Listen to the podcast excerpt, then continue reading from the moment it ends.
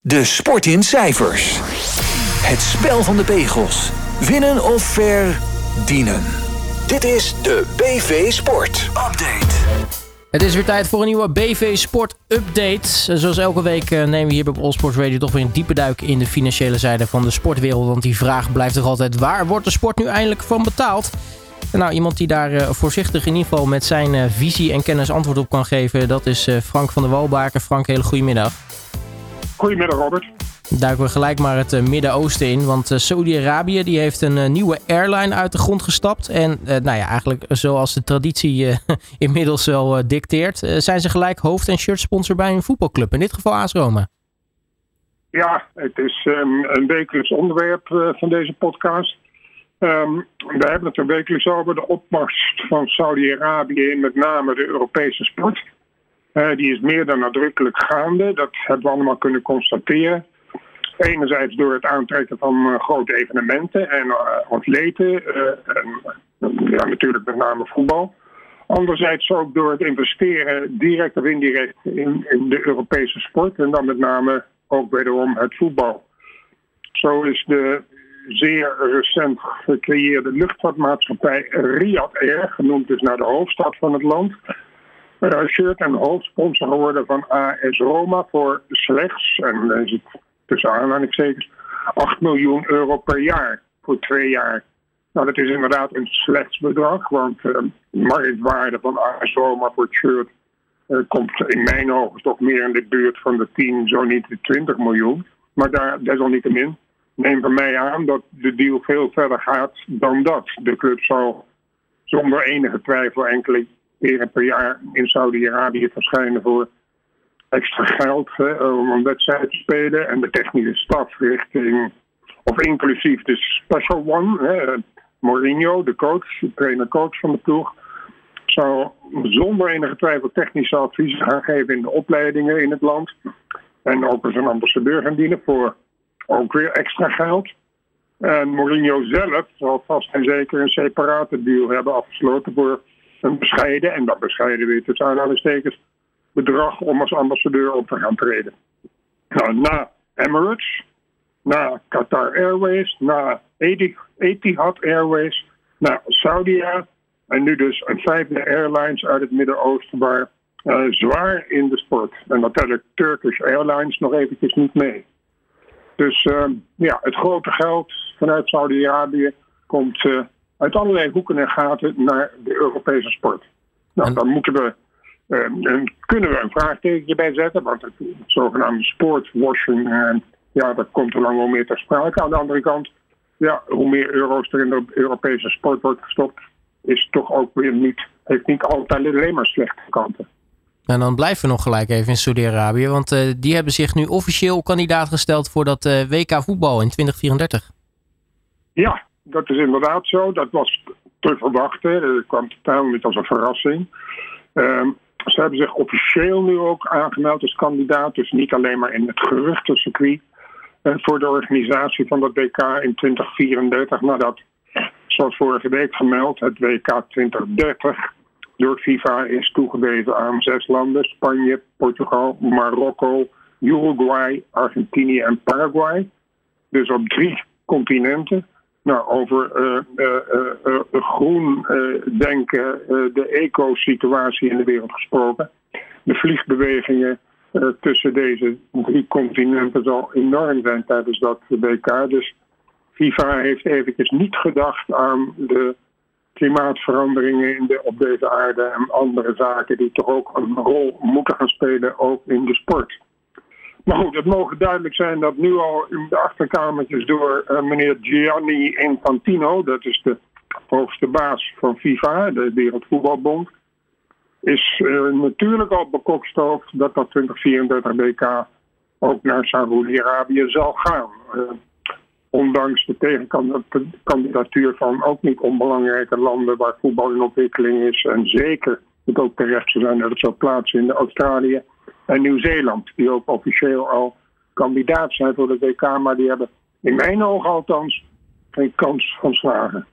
Uh, de, de UEFA, dat is dus de Europese voetbalbond, uh, besloot het EK 2028 toe te kennen aan het Verenigd Koninkrijk en Ierland. Dus dat is inclusief ook Wales. Uh, en tegelijkertijd ook daar nu twee uh, biedingen direct gehonoreerd. Tegelijk werd ook de organisatie van de 2034 EK al toegekend aan Italië en Turkije. Je ziet dat hoe langer hoe meer landen de handen ineen slaan om het te organiseren. Het is natuurlijk enerzijds spreiding van kosten en anderzijds ook wel begrijpelijk dat het dan twee landen treft waar voetbal kan worden gepromoot. Blijven we even bij eh, de UEFA, want die hebben een eh, proefballonnetje opgelaten voor het spelen van Champions League wedstrijden in de VS. Ja, um, veel gekker moet het toch niet gaan worden, vind ik hoor. Kijk, de meest essentiële, ja, ik zou bijna willen zeggen, de, de, de, de, de, de levensader van een sport zijn toch de band met de fans. Uh, als je die gaat doorbreken, dan doorbreek je de, de, de, band met de media, dan breek je de band met de sponsors. Dus, dus um, in, in godsnaam koester de band met de fans en houd altijd contact met de fans. Nou, als je een, nu een plan loslaat van UEFA om de Champions League finale te gaan spelen in Amerika. Hè, het is weliswaar zo dat het land ja, natuurlijk een land is waar voetbal een opkomst is, maar doen we dan op andere manieren zoals het WK wat daar gaat plaatsvinden, dat vind ik wel nog te verdedigen. Maar een Europese finale van de Europese topclubs spelen in Amerika puur vanwege de poen, vind ik een bloody shame. En dat verdient, vind ik, een rode kaart voor de, dat initiatief van uh, UEFA, van meneer Severin. Uh, want uh, nogmaals, de fans kan je dit niet aandoen. Die kunnen dat niet betalen. Die, die gaan niet in het vliegtuig helemaal naar Amerika voor één wedstrijd. Ongetwijfeld zullen er fans zijn die het wel doen, maar het is de band met de fans in de weegschaal leggen en daar ben ik varikant tegen. Nu uh, wil je nog wel eens wat, wat partijen uitlichten in deze, in deze update. zo ook nu een, een investeringsfonds, Apex. daar heb je een interessant verhaal bij. Ja, Oranje Internationals en Oranje Spelers en bekende Nederlandse voetballers als Daley Blind, Marco van Ginkel, Vincent Jansen, Simon Luc de Jong en Davy Klaassen. Om er eventjes een aantal te noemen, stappen in een nieuw investeringsfonds. Het is een Portugees fonds en dat heet Apex. Um, deze voetballers steken niet alleen geld in, in het fonds, dat een omvang van 50 miljoen heeft, maar zij beslissen ook mee over investeringen in veelbelovende bedrijven in de sport, maar ook in de media en in de entertainmentwereld. Nou, wat ik me daarbij moet voorstellen, weet ik niet helemaal precies. Ik vind sport ook al entertainment, dus is een beetje dubbelop. Maar goed, het fonds zou onder andere al een plan hebben om een investering te doen in een nieuw golfinitiatief. Dat weet ik niet precies, want dat wordt er ook niet bij vermeld van niemand minder dan Tiger Woods en Rory McIlroy. Nou, dat zijn niet de eerste twee beste golfers. Tiger is natuurlijk wel een beetje uitgespeeld. Maar Rory McIlroy is nog steeds absoluut de wereldtop. Dus dat zal ongetwijfeld een interessant initiatief zijn. En dat deze voetballers, die ook overigens vaak aan golf doen, uh, gaan investeren in een nieuw golfinitiatief van deze twee. Dat belooft veel goeds. En ik vind het leuk dat deze Nederlandse sterren, uh, niet de minste, de handen in één uh, geslagen om ook te gaan investeren in sport. Als je naar buiten kijkt, dan eh, weet je al wel wat voor tijd er weer aankomt.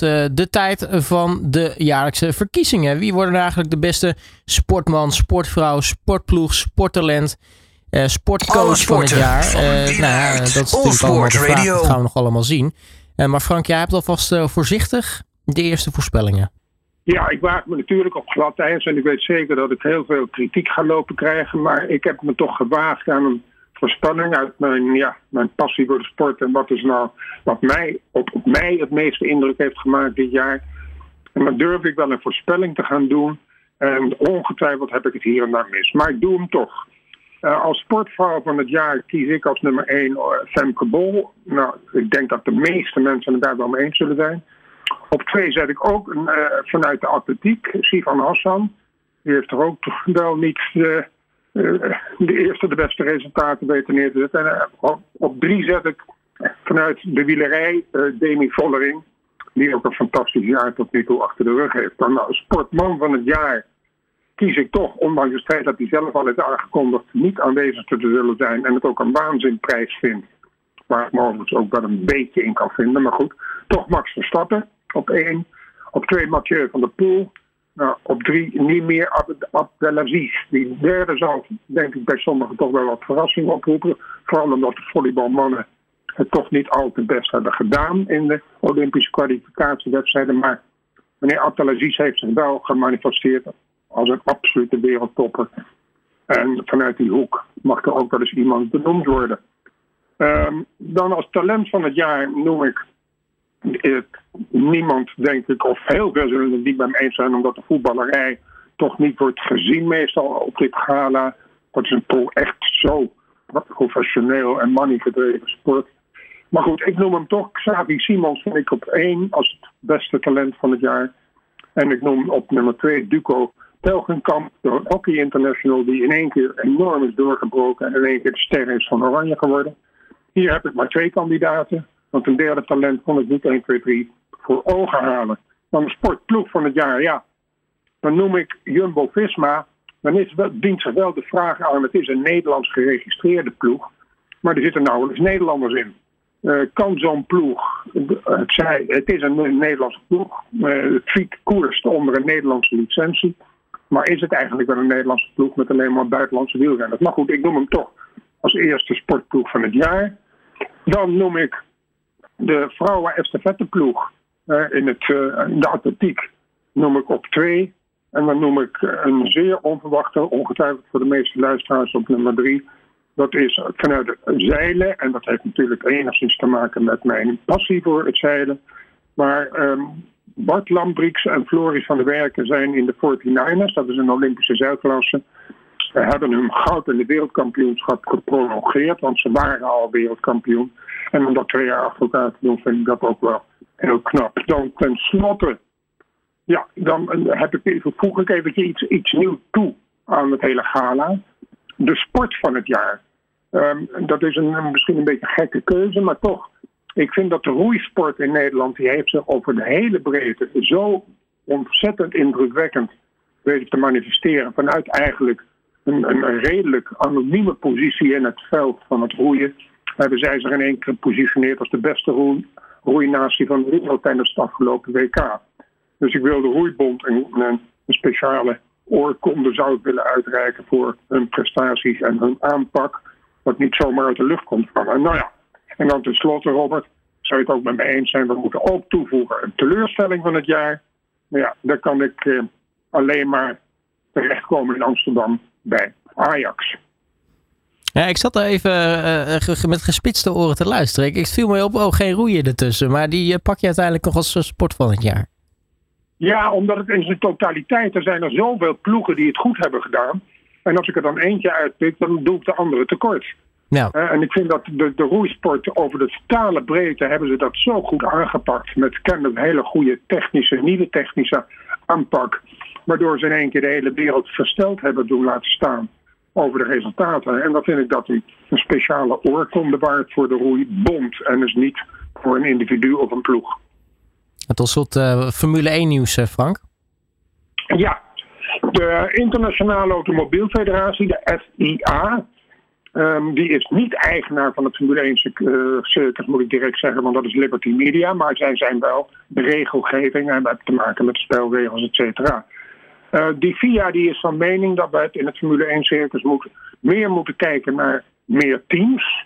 Met andere woorden, grotere startvelden. In plaats van nog maar meer races op de toch al overvolle kalender. Uh, van uh, 42 races in het komend jaar. Dat is een record aantal races in 2024. Um, de hoogste baas van die FIA, dat is de Qatarees Mohammed bin Sulayem. Uh, zegt dan ook, houd op met dat zeuren over toelating van het Andretti Racing Cadillac team, Cadillac team hè, van General Motors. Toelaten, want het is alleen maar een prachtig groot automerk en dat moeten we hebben in het veld. En hij zegt ook, voegt aan toe, laat ook dat Chinese team dat al graag in de wacht, al lang in de wachtkamer zit en graag wil meedoen. Uh, dus hij geeft min of meer een ja, nadrukkelijk advies aan Liberty Media. Denk meer na over het startveld dan over de overvolle kalender. de eigenaars van de Formule 1 moeten de grote automerken als General Motors niet alleen toelaten in het veld, maar dan moeten ze vragen, zo niet smeken aan boord te komen, maar dat verhoogt de kwaliteit van het Formule 1 racen. Al dus Mohammed bin Salayem. Uh, een ander nieuws uit de Formule 1 wereld. Het circus heeft het bandencontract met Pirelli. En dat loopt al vanaf 2011. Verlengd tot en met 2027. Dus de Italiaanse bandenmerk uh, kan aan boord blijven van het Formule 1 circus voor de komende jaren. Dan goed nieuws ook voor Nederland. En zeker voor de vele Max Verstappen fans. Uh, de Formule 1 race in Spa die stond al een tijdje op de WIP.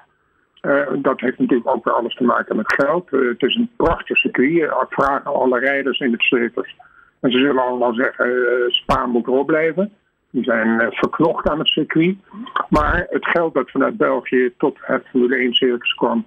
is niet vergeleken met het geld wat de races in het Midden-Oosten onder andere betalen. Maar hoe dan ook, er is min, ongetwijfeld ook door druk vanuit de, de renners zelf, de coureurs is Spa niet alleen verlengd tot en met 2024 sowieso, maar ook tot en met 2025.